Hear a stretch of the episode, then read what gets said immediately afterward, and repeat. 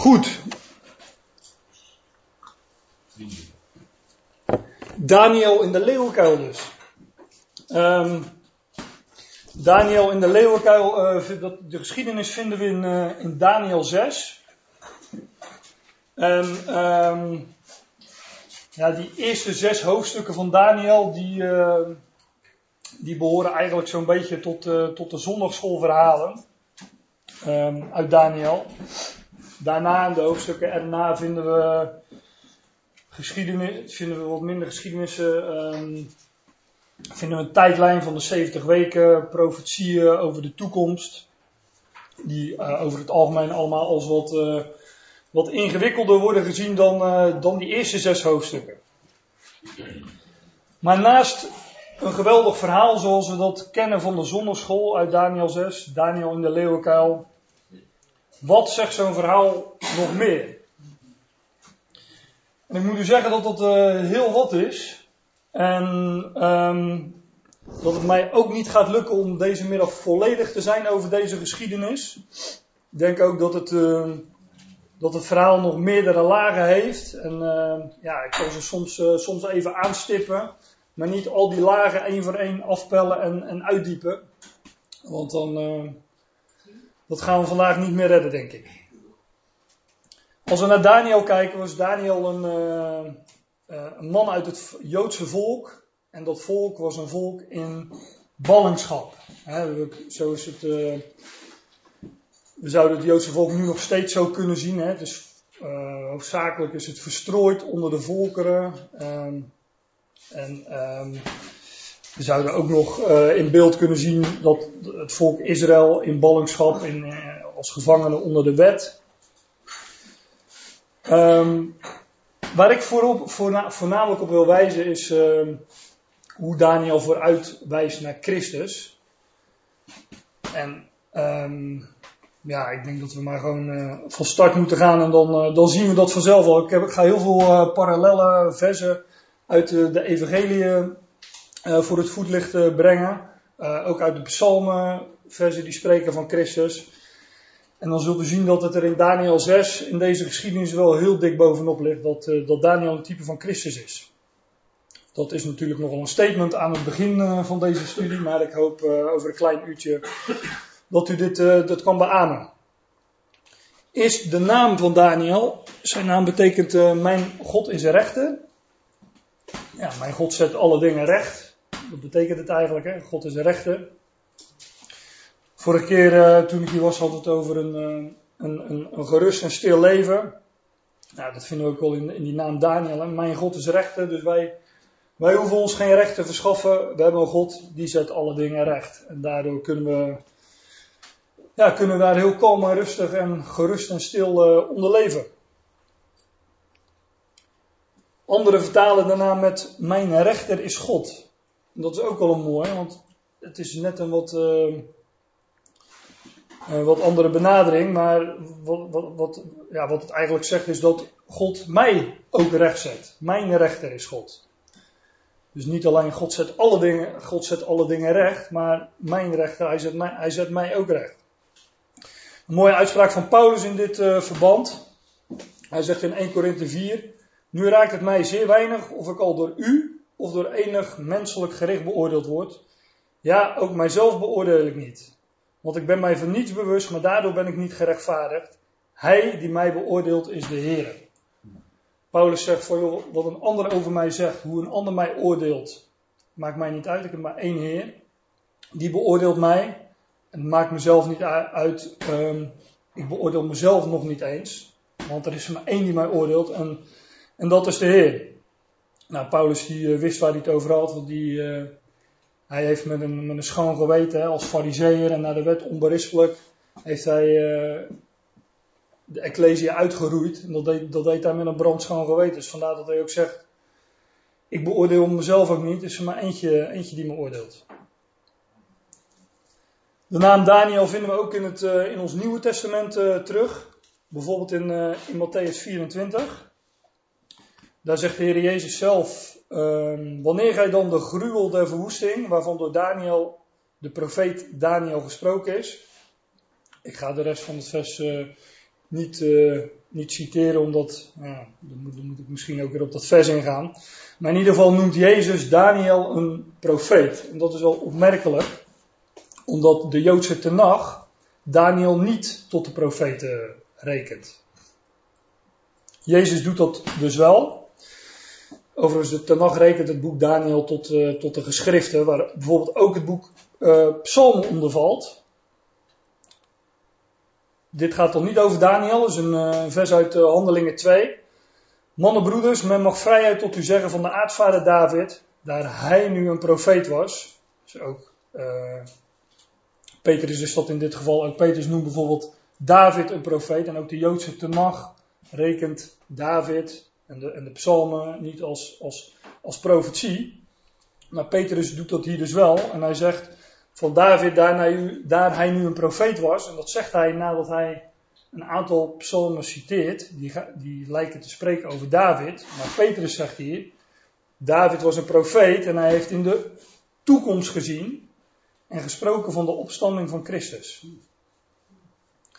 En uh, Daniel is dus ook een profeet en hij spreekt ook over de opstanding, de dood en opstanding van Christus, zoals we straks gaan zien. Ik zeg dit overigens ook omdat ik wat uh, citaten uit, uh, uit de psalmen zal halen. Ja, en dat zijn natuurlijk psalmen van David, maar die staat, hij was een profeet en hij heeft in de toekomst gezien en uh, gesproken van de opstanding van Christus. Vandaar dat ik ook wat, uh, wat psalmen zal citeren. We vinden in Daniel een, een structuur.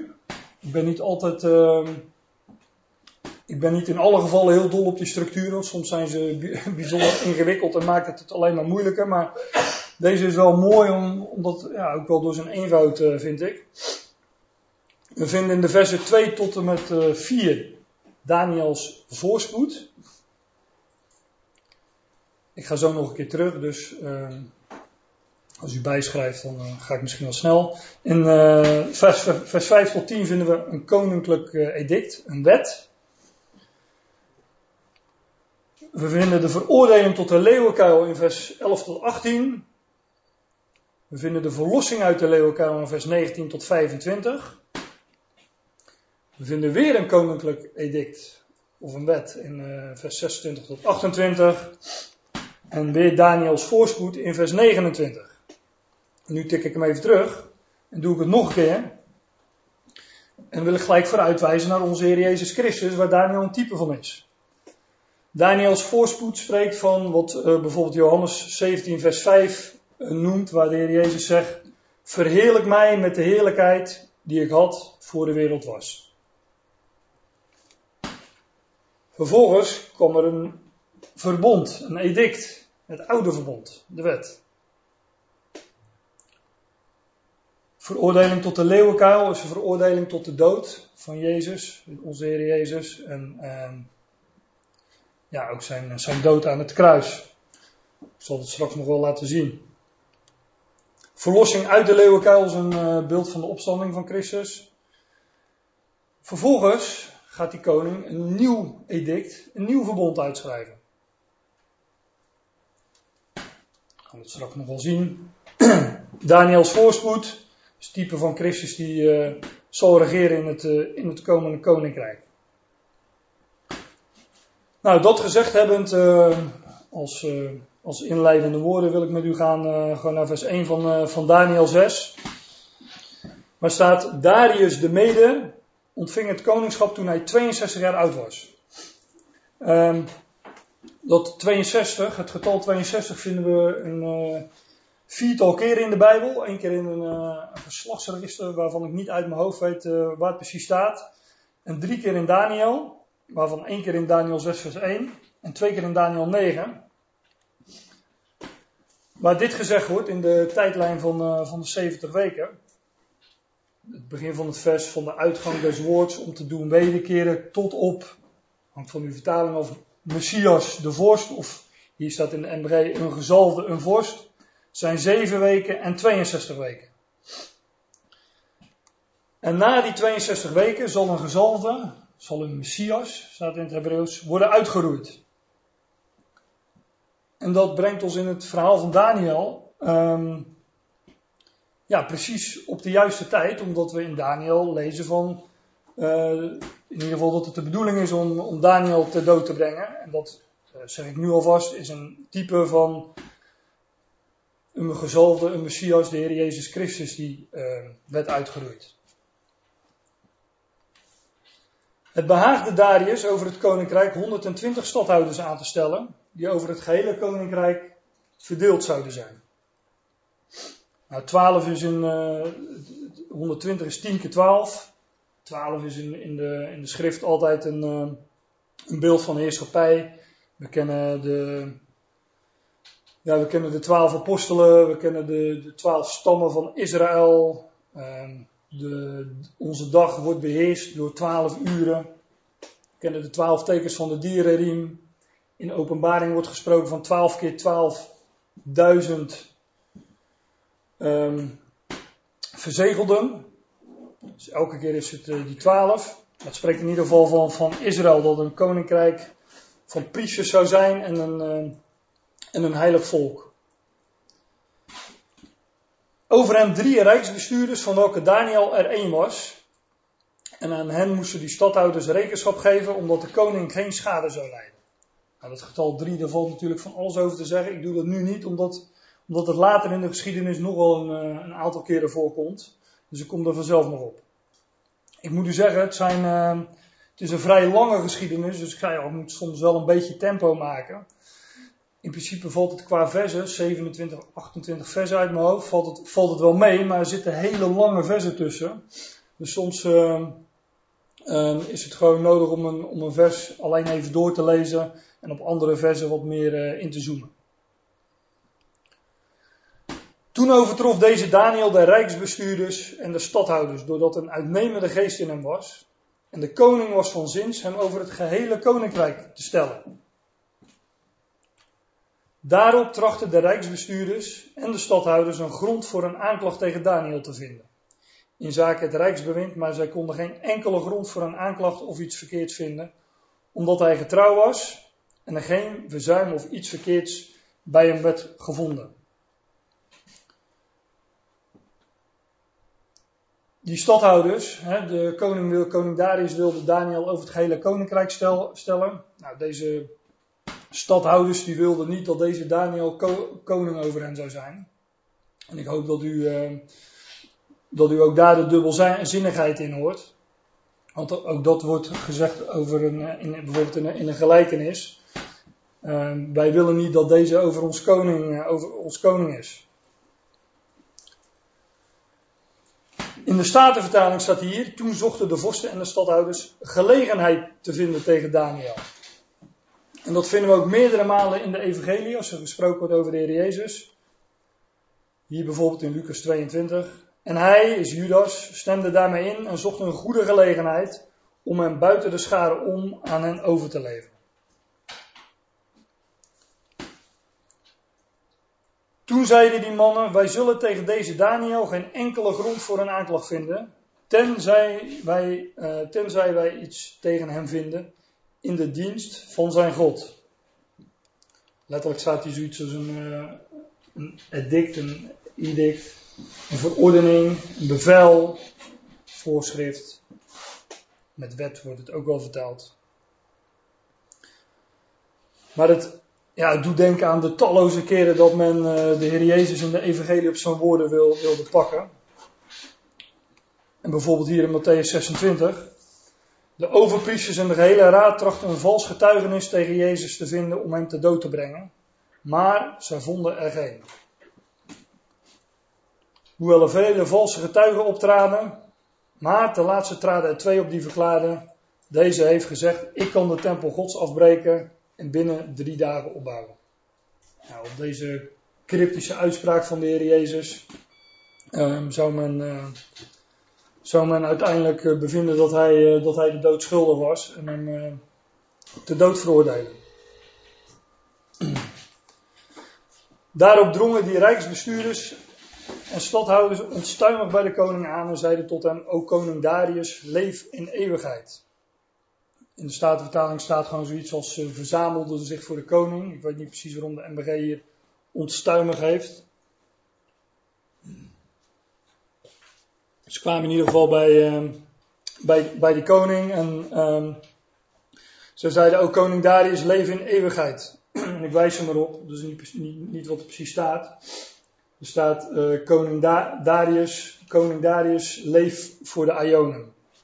Voor de wereldtijdperken. Ik kom daar zo ook nog wel op terug, omdat ook dit woord nog, uh, nog wat vaker voorkomt in Daniel 6.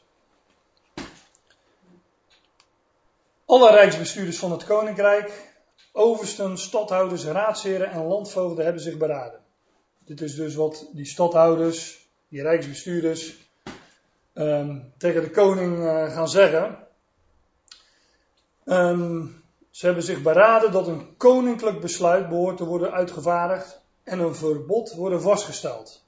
Een verbod, een verbond, een wet. Een, uh, ik zei al, dus dit, dit, verbond, dit besluit is een, uh, is een beeld van het, van het oude verbond.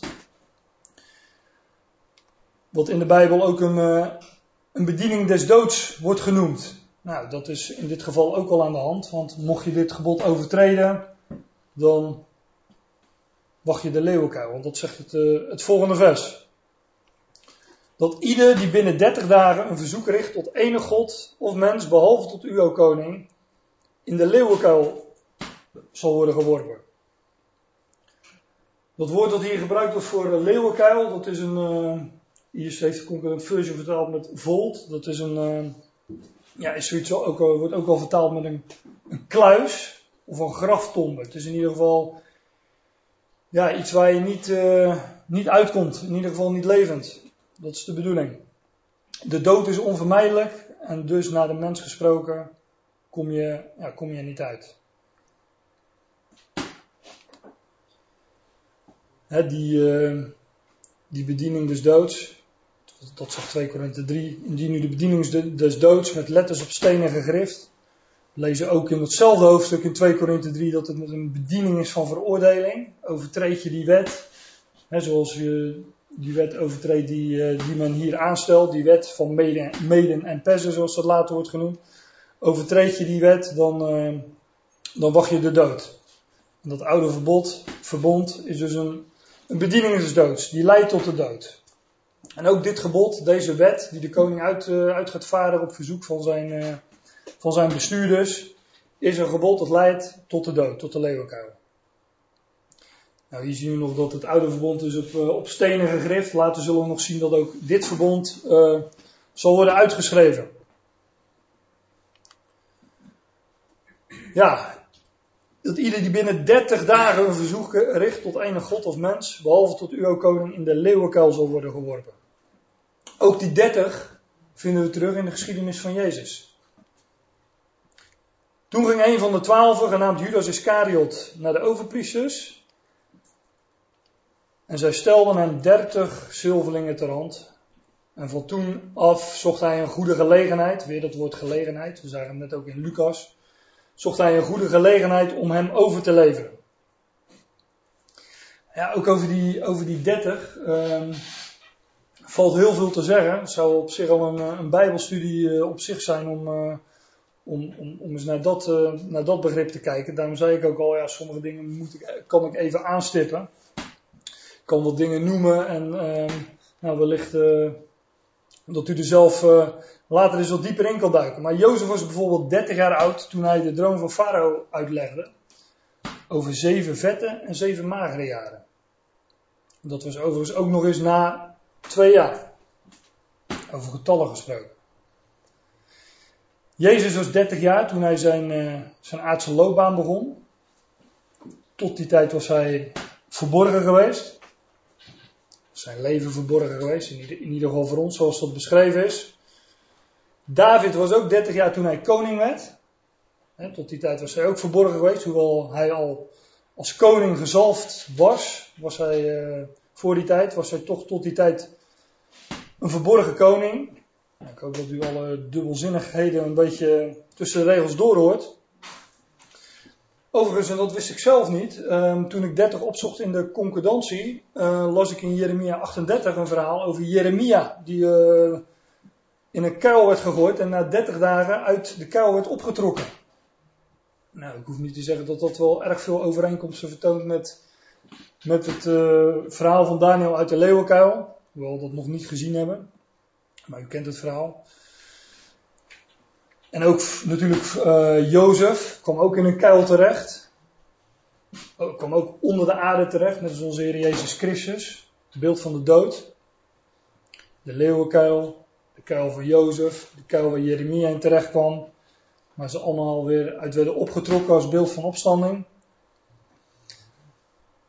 Simpson had op zijn bruiloft 30 metgezellen.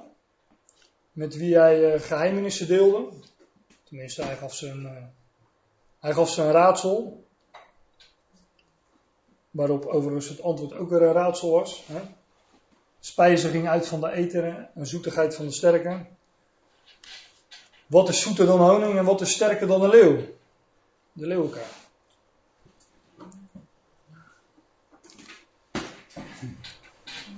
Vaardig dan nu, ook koning, dat verbod uit en schrijf een bevelschrift dat onveranderlijk is, naar de wet van Mede en Persen, die niet kan worden herroepen. Ook over de, de, de Mosaïsche wet wordt iets dergelijks gezegd, dat die onveranderlijk is. Want voorwaar zeg ik u, Matthäus 5, eh, vers 18. Want voorwaar, ik zeg u, eer de hemel en de aarde vergaat, zal er niet één jota of een titel, titel vergaan van de wet. Eer alles zal zijn geschied. we zien hier dat ook de wet profetie is en voorzeggingen, want de dingen die in de wet beschreven worden, die zullen geschieden, in. Zegt de Heer Jezus ook in het voorgaande vers, ik heb dat niet afgedrukt, maar dat is Matthäus 5 vers 17 dan. Zegt hij, meen niet dat ik gekomen ben om de wet te ontbinden. Ik ben, niet, ik ben niet gekomen om die te ontbinden, maar om die te vervullen. net als profetie vervuld wordt, zo wordt de wet vervuld. En onze Heer Jezus Christus heeft die wet vervuld.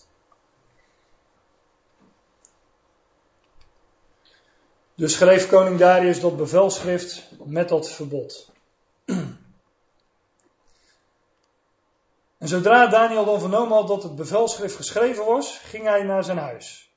Nu had hij in zijn bovenvertrek open vensters aan de kant van Jeruzalem.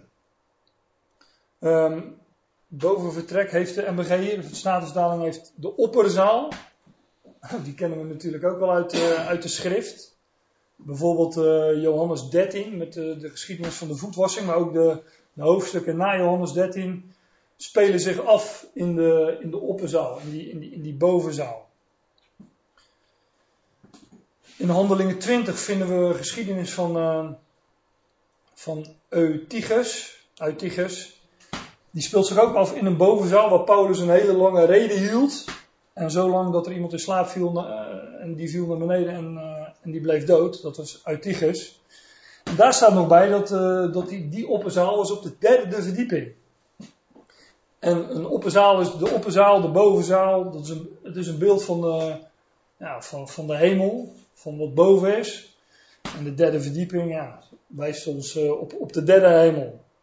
Wat er in de bovenzaal gebeurt, in die opperzaal, is, is dus een uitbeelding van het werk van Christus in onze dagen. We zien, we zien dat bijvoorbeeld ook in Johannes 13, waar de Heer Jezus de voeten was van zijn, uh, van zijn leerlingen, van zijn discipelen. Dat is het werk wat hij, wat hij doet als hoge priester vanuit, vanuit de hemel. Vanuit die opperzaal wast hij de voeten van zijn, uh, van zijn volgelingen.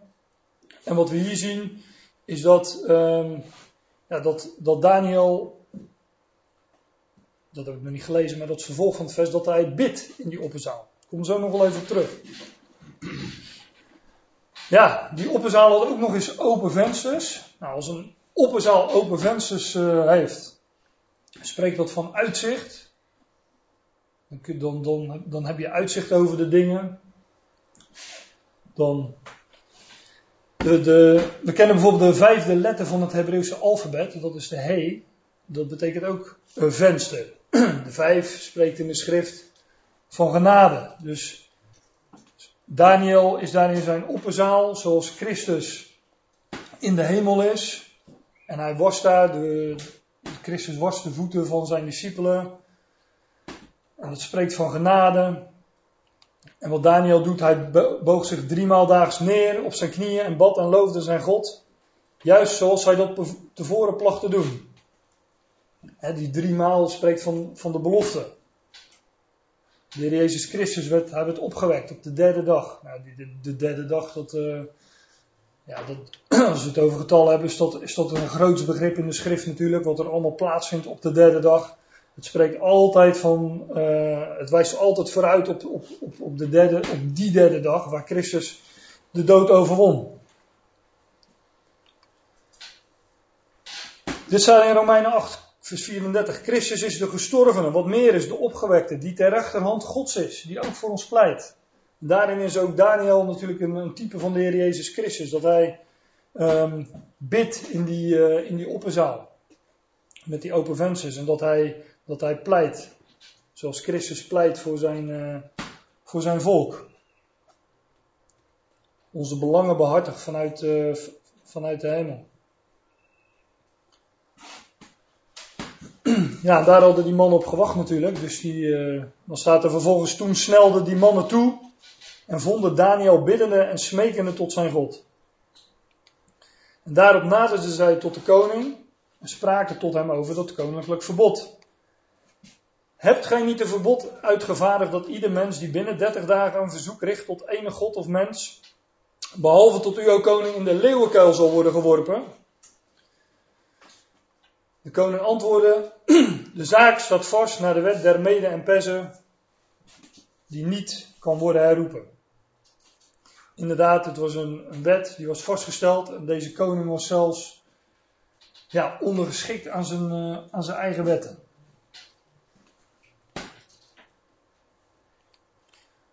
Toen zeiden zij tot de koning, Daniel, een van de ballingen uit Juda, heeft geen acht geslagen op u, o koning.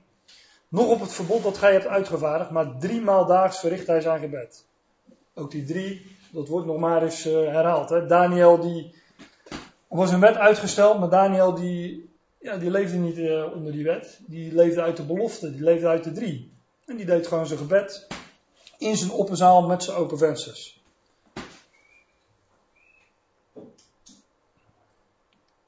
Zodra de koning de zaak gehoord had, mishaagde zij hem ten zeerste. Hij was, immers, uh, hij was immers zeer gesteld op Daniel, we in die eerste verse. En hij wilde Daniel juist over heel zijn koninkrijk aanstellen. Dus het mishaagde hem ten zeerste. En hij zon op middel om Daniel te bevrijden. Ja, tot zonsondergang gaf hij zich moeite om hem te redden. Als ik naar dit vers kijk, uh, ik heb er geen uh, notitie verder van gemaakt, maar dat, ja, dan dan, heb ik, dan zou ik iets kunnen zeggen over dubbele lagen. Zonsondergang. We lezen in de schrift profetieën dat de zon veranderd zal worden in duisternis en de maan in bloed. Eer dat de grote en vreselijke dag uh, des Heren komt. En dat zal het moment zijn dat Israël verlost zal worden. En Daniel is ook een, uh, is ook een type van, uh, van het volk Israël. Ik geef hem er maar bij.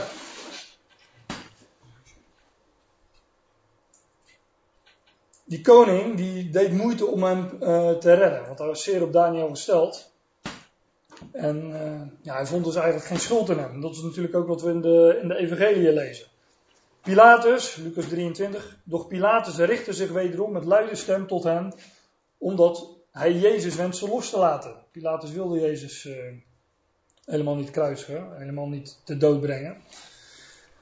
En hij zeide voor de derde maal, weer die drie, tot hem, wat heeft deze dan toch voor kwaad gedaan? Ik heb niets in hem gevonden waarop de doodstraf staat. Ik zal hem dus geestelen en loslaten. Ook hier weer die drie maal. Ook hier um, een, koning die, uh, die, die, ja, die, die eigenlijk helemaal niet wenst om uh, in dit geval Jezus te veroordelen. In het geval van Daniel om Daniel te veroordelen.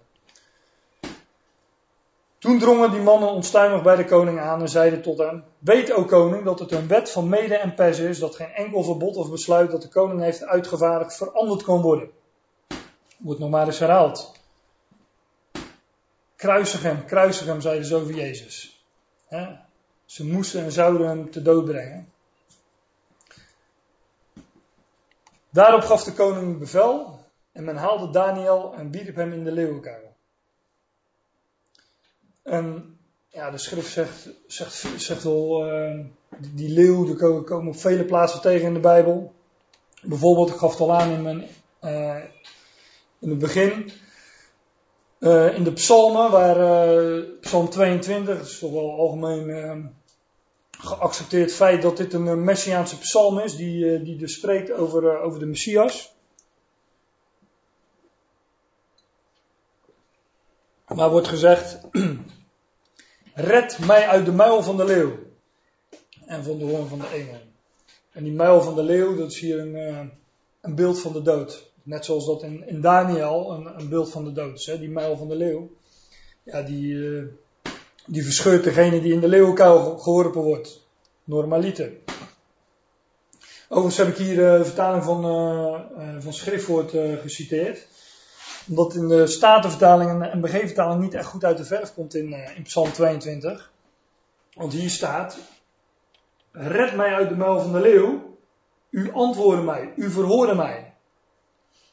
Christus, waar deze psalm van spreekt, David, de zoon van David, hè, David heeft vooruitgezien en gesproken van de opstanding van Christus. Maar Christus is verhoord uit, uh, uit die dood. Hij is verlost, hij is gered uit, uit die dood. En u antwoordde, u verhoorde mij. Dat staat er letterlijk. De koning nam het woord en zei tot Daniel, uw God, die gij zo volhardend dient, die bevrijding. Nou, dat zei dus ook tegen Jezus toen hij, uh, de Jezus toen hij aan het kruis hing. Hij heeft zijn vertrouwen op God gesteld. Laat die hem nu verlossen nog een paralleltekst bijgezet uit Lucas 23. Hij zou inderdaad verlost worden. Heer Jezus zou verlost worden, maar niet van de kruisdood. Hij zou uit de dood verlost worden. Hij zou de dood overwinnen en zal ze uiteindelijk geheel te niet doen. En er werd een steen gebracht en op de opening van de kuil gelegd. Ja, en die steen die, uh, ook die vinden we natuurlijk in de, in de evangelie. En hij, dat is Jozef van Arimathea, legde het in zijn nieuw graf. Het gaat over het lichaam van de Heer Jezus. Dat hij in de rots had uitgehouden en na een grote steen voor de ingang van het graf te hebben gewenteld, ging hij heen. Lucas 24. Zij vonden de steen van het graf afgewenteld. Jezus was opgestaan. De steen was afgewenteld. Overigens vinden we die steen en uh, stenen vinden we de hele schrift door. Ook in Daniel overigens, in Daniel 2. Waar um, zonder werk van mensenhanden een, een grote steen werd, werd losgemaakt. En uh, die, uh, die steen die verpulverde een, een beeld waarin Daniel 2 van wordt gesproken. Een, een groot beeld van goud, uh, zilver en nog wat andere metalen. Die, waarin ook uitgelegd wordt dat dat dat beeld spreekt van de koninkrijken van, uh, van deze wereld. En dan staat er ook dat er een, uh, dat de, de, de steen als, als beeld van Christus al die koninkrijken zal, uh, zal verpulveren, zal vermalen en dat, dat die steen de gehele aarde vulde. He, heel, heel de aarde zal gevuld worden met dat koninkrijk van de Heer Jezus Christus, waar die profetie uit Daniel van spreekt. Deze steen die werd afgewenteld van het, van het graf. Um, ja, we zullen straks ook zien dat die, uh, dat die afgewenteld wordt van de leeuwenkuil. Maar zo'n omwenteling is zelfs een, uh, een Hebreeuws woord wat, uh, wat, wat omwenteling betekent. Dat is Gilgal, spreekt altijd van wedergeboorte, van, van nieuw leven.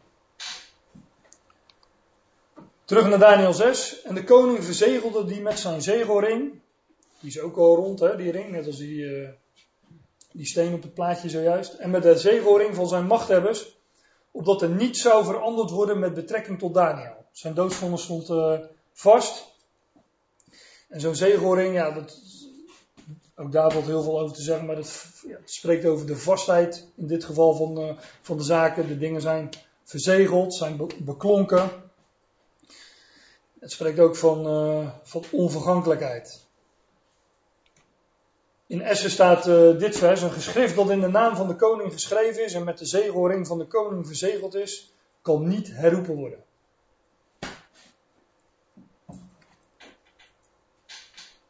Toen ging de koning naar zijn paleis en bracht de nacht vasten door.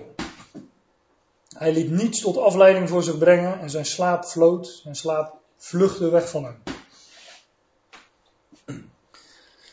Ja, en dan is het ochtend. Bij het ochtendkrieken, mooi woord in de MBG-vertaling, bij het ochtendkrieken toen het licht werd, nog maar eens bij te zeggen, toen het licht werd, stond de koning op en ging in der haast naar de leeuwenkuil. De Statenvertaling heeft, toen stond de koning in de vroege morgen stond op, met het licht op.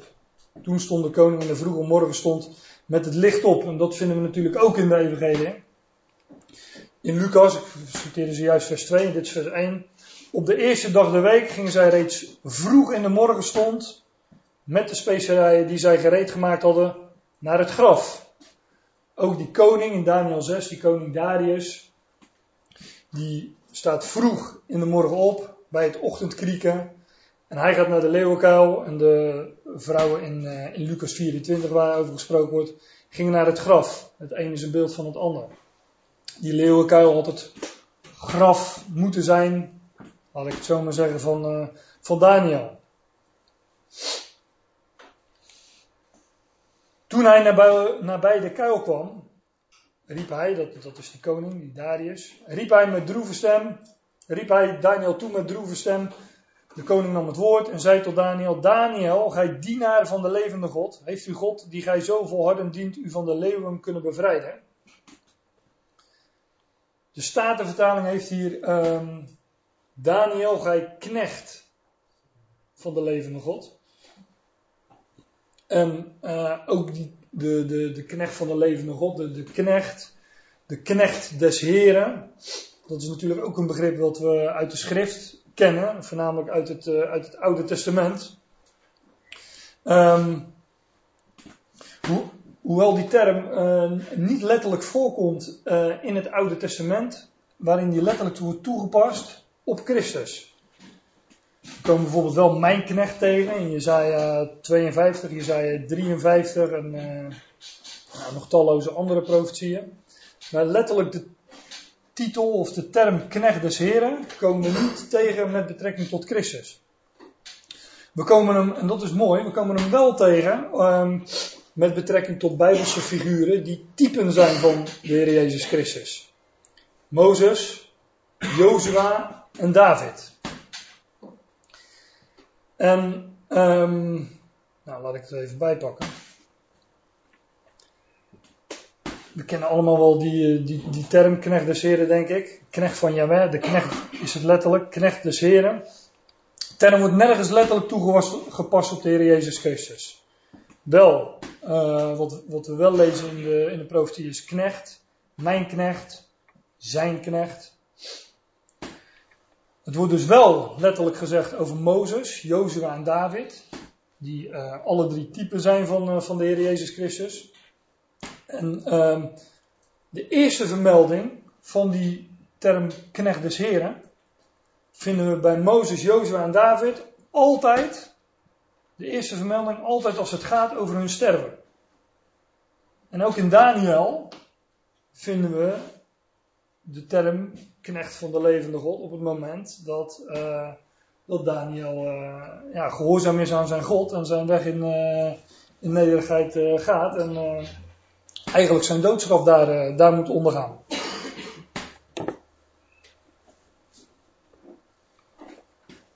En ik wil u die, uh, kort die schriftplaatsen noemen, die, uh, um, die eerste vermeldingen van Mozes, Jozua en David, waar de eerste keer wordt gesproken over knecht want ook daar zitten nog, zit, er nog, zit nog een hele mooie tussen.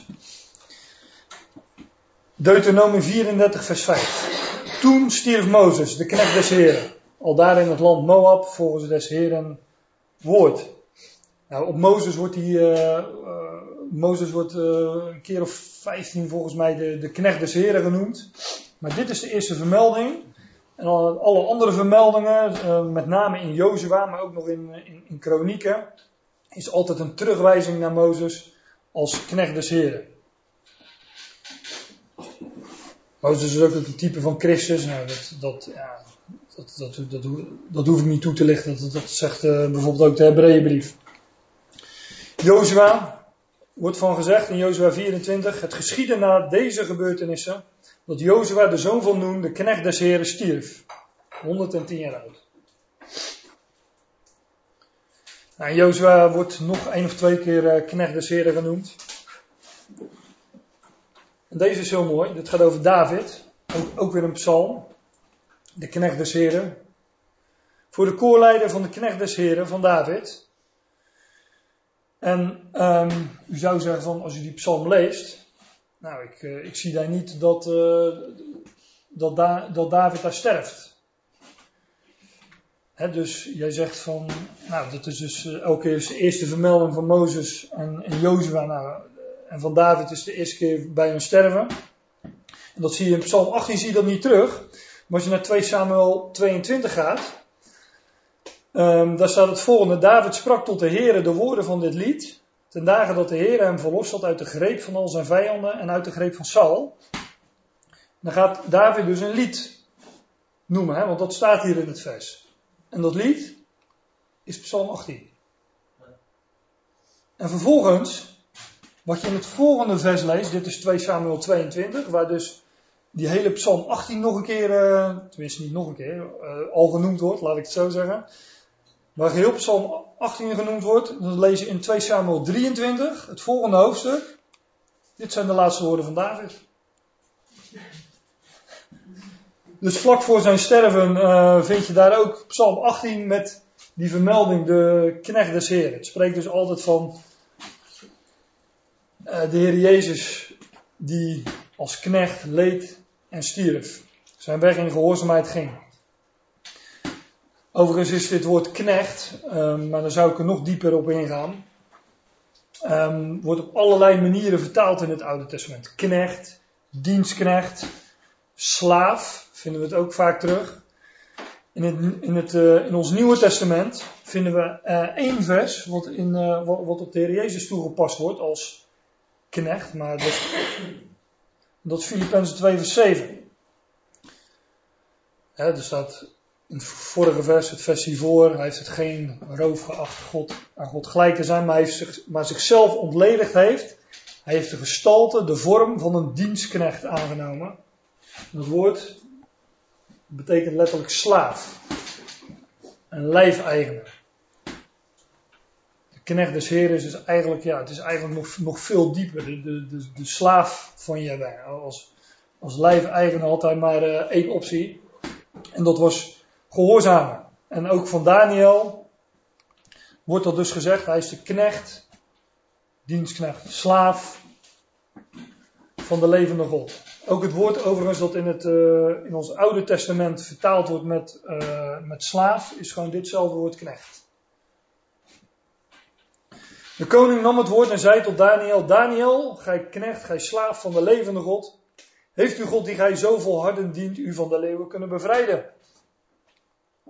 Toen sprak Daniel tot de koning, o koning, leef voor de Ionen.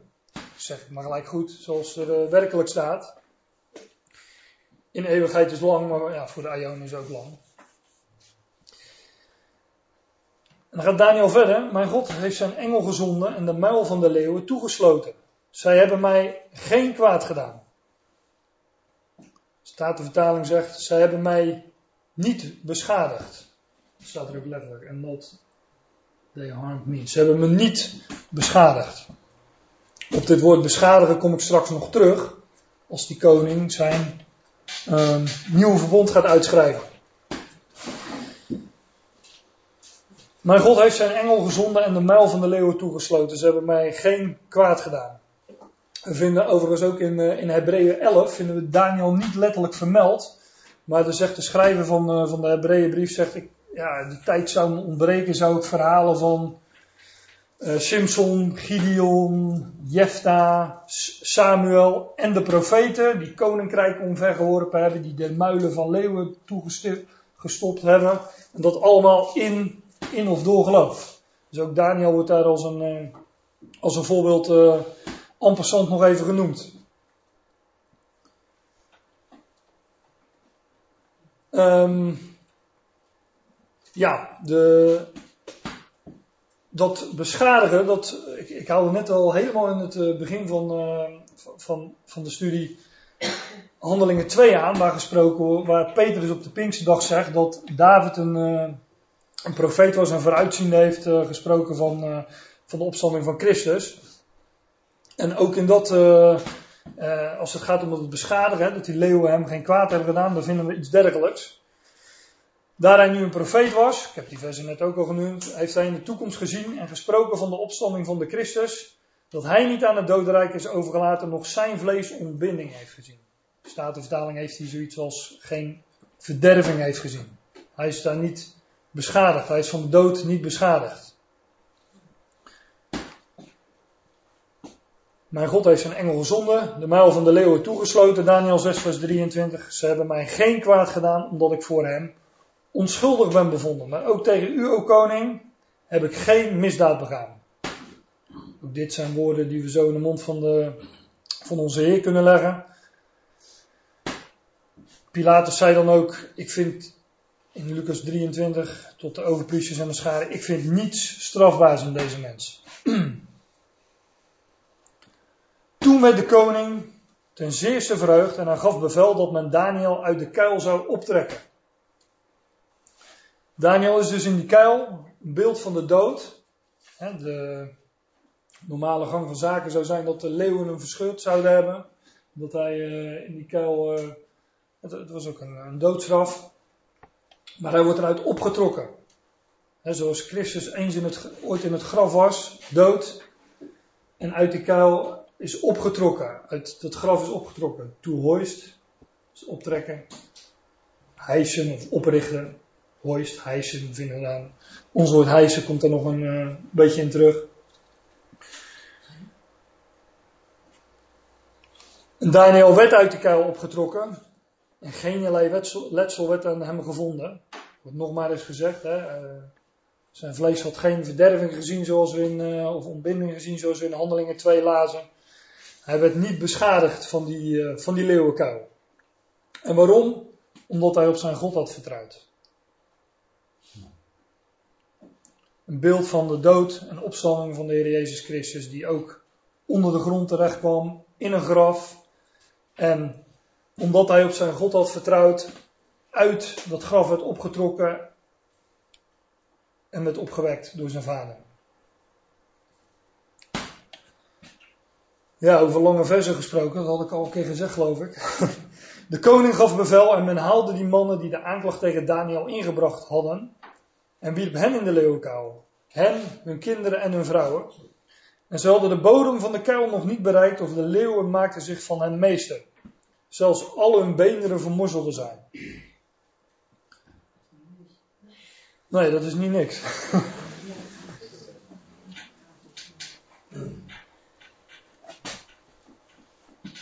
Als ik, als ik de parallel leg met, met wat ik lees in het uh, Nieuwe Testament, natuurlijk is dit uh, komt op ons nogal negatief en uh, nou, het is nogal niet niks hoor ik, uh, hoor ik hier iemand zeggen, maar zo komt dat ook op ons over.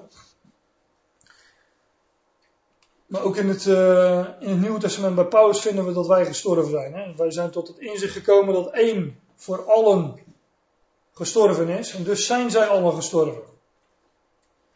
Alle die in dit verhaal een, van Daniel een rol van betekenis spelen, en zelfs de vrouwen en kinderen die, uh, die er eigenlijk nog niet in voorkwamen, die, ja, die, die, die, die, worden, die, die, die sterven. Die, die, die gaan dood. Behalve de koning natuurlijk. Die koning is een, uh, een beeld van God. Ik hoop dat dat, dat dat al duidelijk was. En u zult zeggen, nou Daniel stierf toch ook niet echt? Dan zeg ik, ja, nou, bij wijze van spreken stierf hij wel. Want dat wordt bijvoorbeeld ook zo gezegd in, uh, in Hebreeën 11. Ik heb er overigens geen dia van, maar als we lezen dat uh, het commentaar van de Hebreeënbrief schrijven op de geschiedenis van Abraham en Isaac, dan, dan, dan, dan lezen we dat um, Abraham zijn zoon geofferd heeft En natuurlijk op het moment suprem ehm, greep God in. En Isaac werd niet te dood gebracht. Maar in Hebreeën 11 is het commentaar wat de schrijver van Hebreeën daarop geeft. Um, staat er dat uh, Abraham heeft overwogen dat God bij machten was om hem, Isaac, zelfs uit de doden op te wekken. En dan staat erbij, en daaruit heeft hij hem ook bij wijze van spreken, er vertaling zegt, bij gelijkenis uh, terug ontvangen. Dus Abraham heeft zijn zoon Isaac, hè, stierf niet, maar heeft hem wel bij gelijkenis uit de dood terug ontvangen. Ja, en als we het gaan hebben over gelijkenissen en over typologie, dan is het verhaal van Daniel natuurlijk ook een, een prachtig beeld van inderdaad van uh, Daniel die onder de aarde terecht kwam, net als onze Heer Jezus Christus, in de dood, in het graf, werd opgetrokken, werd opgetrokken uit de, uit de kuil, uit de dood, als beeld van de, van de opstanding van Christus. Um, overigens, um, als ik even terugga naar, um, naar, uh, naar dit. Uh, nee, ik kom er zo nog op. Ik kom er zo nog op. Daarna schreef de koning Darius aan alle volken, naties en talen die de ganse aarde bewonen: Uw vrede zij groot. Die vrede die is inderdaad groot, hè? ook als we naar de typologische, naar de typologische strekking van het verhaal kijken. Duizend jaar groot zelfs, want um, dit is een. Uh, die koning gaat vervolgens een, uh, een nieuw verbond uitschrijven. Door mij wordt bevel gegeven dat men het hele machtsgebied van mijn koninkrijk voor de God van Daniel zal vrezen en beweven. Want hij is de levende God die blijft in eeuwigheid.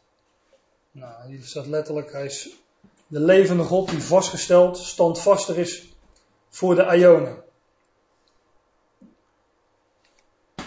Hij is de levende God die standvastig is voor de Ionen. Zijn koningschap is onverderfelijk en zijn heerschappij duurt tot het einde. Zijn koninkrijk, staat er in de MBG-vertaling uh, staat koningschap. Letterlijk staat hier uh, koninkrijk. Zijn koninkrijk zal niet beschadigd worden. Hetzelfde, hetzelfde woord als in vers 23 over Daniel gezegd wordt toen hij uit de kuil werd opgetrokken, dat hij van de leeuwen niet beschadigd was. Het koninkrijk van uh, de levende God die standvastig is voor de Ionen, voor die tijdperken. Zijn koningschap, zijn koninkrijk is, uh, zal niet beschadigd worden. En zijn koninkrijk zal, overigens staat in Daniel 2 vers 44, zo, wordt hetzelfde woord gebruikt ook. En daar wordt het vertaald met zijn koninkrijk zal niet ten gronde gaan. Zal niet verstoord worden, heeft de Statenvertaling. Als we naar de typologische strekking kijken, dan, ja, dan weten we dat Christus ook koning zal zijn. En dat zijn koningschap um, uh, ook niet beschadigd zal worden. Hij zal dat namelijk een volmaakt en compleet onderworpen koninkrijk overdragen aan zijn God en Vader. Dat lezen we in 1 Korinthe 15. Ik heb die versen ook nog in een diatje, dus komen we zo nog even op terug. Eerst nog even het vers afmaken. Zijn koninkrijk zal niet beschadigd worden en zijn heerschappij duurt tot het einde. Als we kijken wat er eerst stond, ga ik even terug. Hij is de levende God die blijft in eeuwigheid. Zouden we dan lezen. En zijn heerschappij duurt tot het einde. Nou, dat is op zich wel een, eh, een, vreemde zin, want is het dan tot het einde van die eeuwigheid? Maar als we lezen wat er, wat er werkelijk staat, zijn heerschappij duurt tot het einde. Nou, welk einde? Nou, het einde van, van die Ionen, want dan draagt hij namelijk het een volmaakt en compleet koninkrijk over aan zijn God en Vader. Tot het einde, unto the terminus. Dat staat er ook echt, tot het einde. 1 Korinthe 15, dat zijn vergelijkbare woorden. Daarna het einde, wanneer hij het koninkrijk aan God de Vader overdraagt. Wanneer hij alle heerschappij, alle macht en krachten niet gedaan heeft. Want hij moet als koning heersen totdat. Het gaat over Christus. Christus heerst tot in de Ionen, tot in de Ionen van de Ionen, tot in al die wereldtijdperken. Maar zijn koningschap, zijn, zijn koningschap heeft een totdat. Totdat hij namelijk alle vijanden onder zijn voeten uh, gelegd zal hebben. En dat zijn er heel wat, maar in ieder geval is die laatste vijand, die teniet gedaan wordt, die afgeschaft wordt, staat hier letterlijk, die is de dood. En ja, over, um, over de overwinning op de dood, hè, en ook over de, natuurlijk, uh, de eerste stap is de overwinning op de dood. Christus uh, overwon die dood. En eens zal die dood volledig teniet gedaan zijn. En daar spreekt ook die geschiedenis van Daniel uh, over, die honderden jaren voor, um, voordat de werkelijk de dood werd overwonnen, opgetekend is. Nog een tweetal of drietal versen volgens mij in Daniel 6, wat ik even af wil maken. Hij bevrijdt en redt en doet tekenen en wonderen in hemel en op aarde. Nou, God doet inderdaad tekenen, bijvoorbeeld het, uh, het teken van Daniel, laat ik het zo maar noemen. Eh, want de geschiedenis van Daniel die heeft een betekenis en die betekent dus iets. Wijst vooruit naar iets. God bevrijdt en hij redt. Hij doet tekenen en wonderen in hemel en op aarde. Hij die Daniel uit de macht van de leeuwen heeft bevrijd. En deze Daniel stond in hoog aanzien onder het koningschap van Darius en onder het koningschap van Chorus de Pes. Nou, dit is het laatste vers van, um, van dit hoofdstuk. Wat ik, um, wat ik nog had willen vermelden, is dat uh, 1 Korinthe 2 uh, spreekt bijvoorbeeld over, uh, 1 Korinthe 2 spreekt over de beheersers van deze aion, de beheersers van deze eeuw.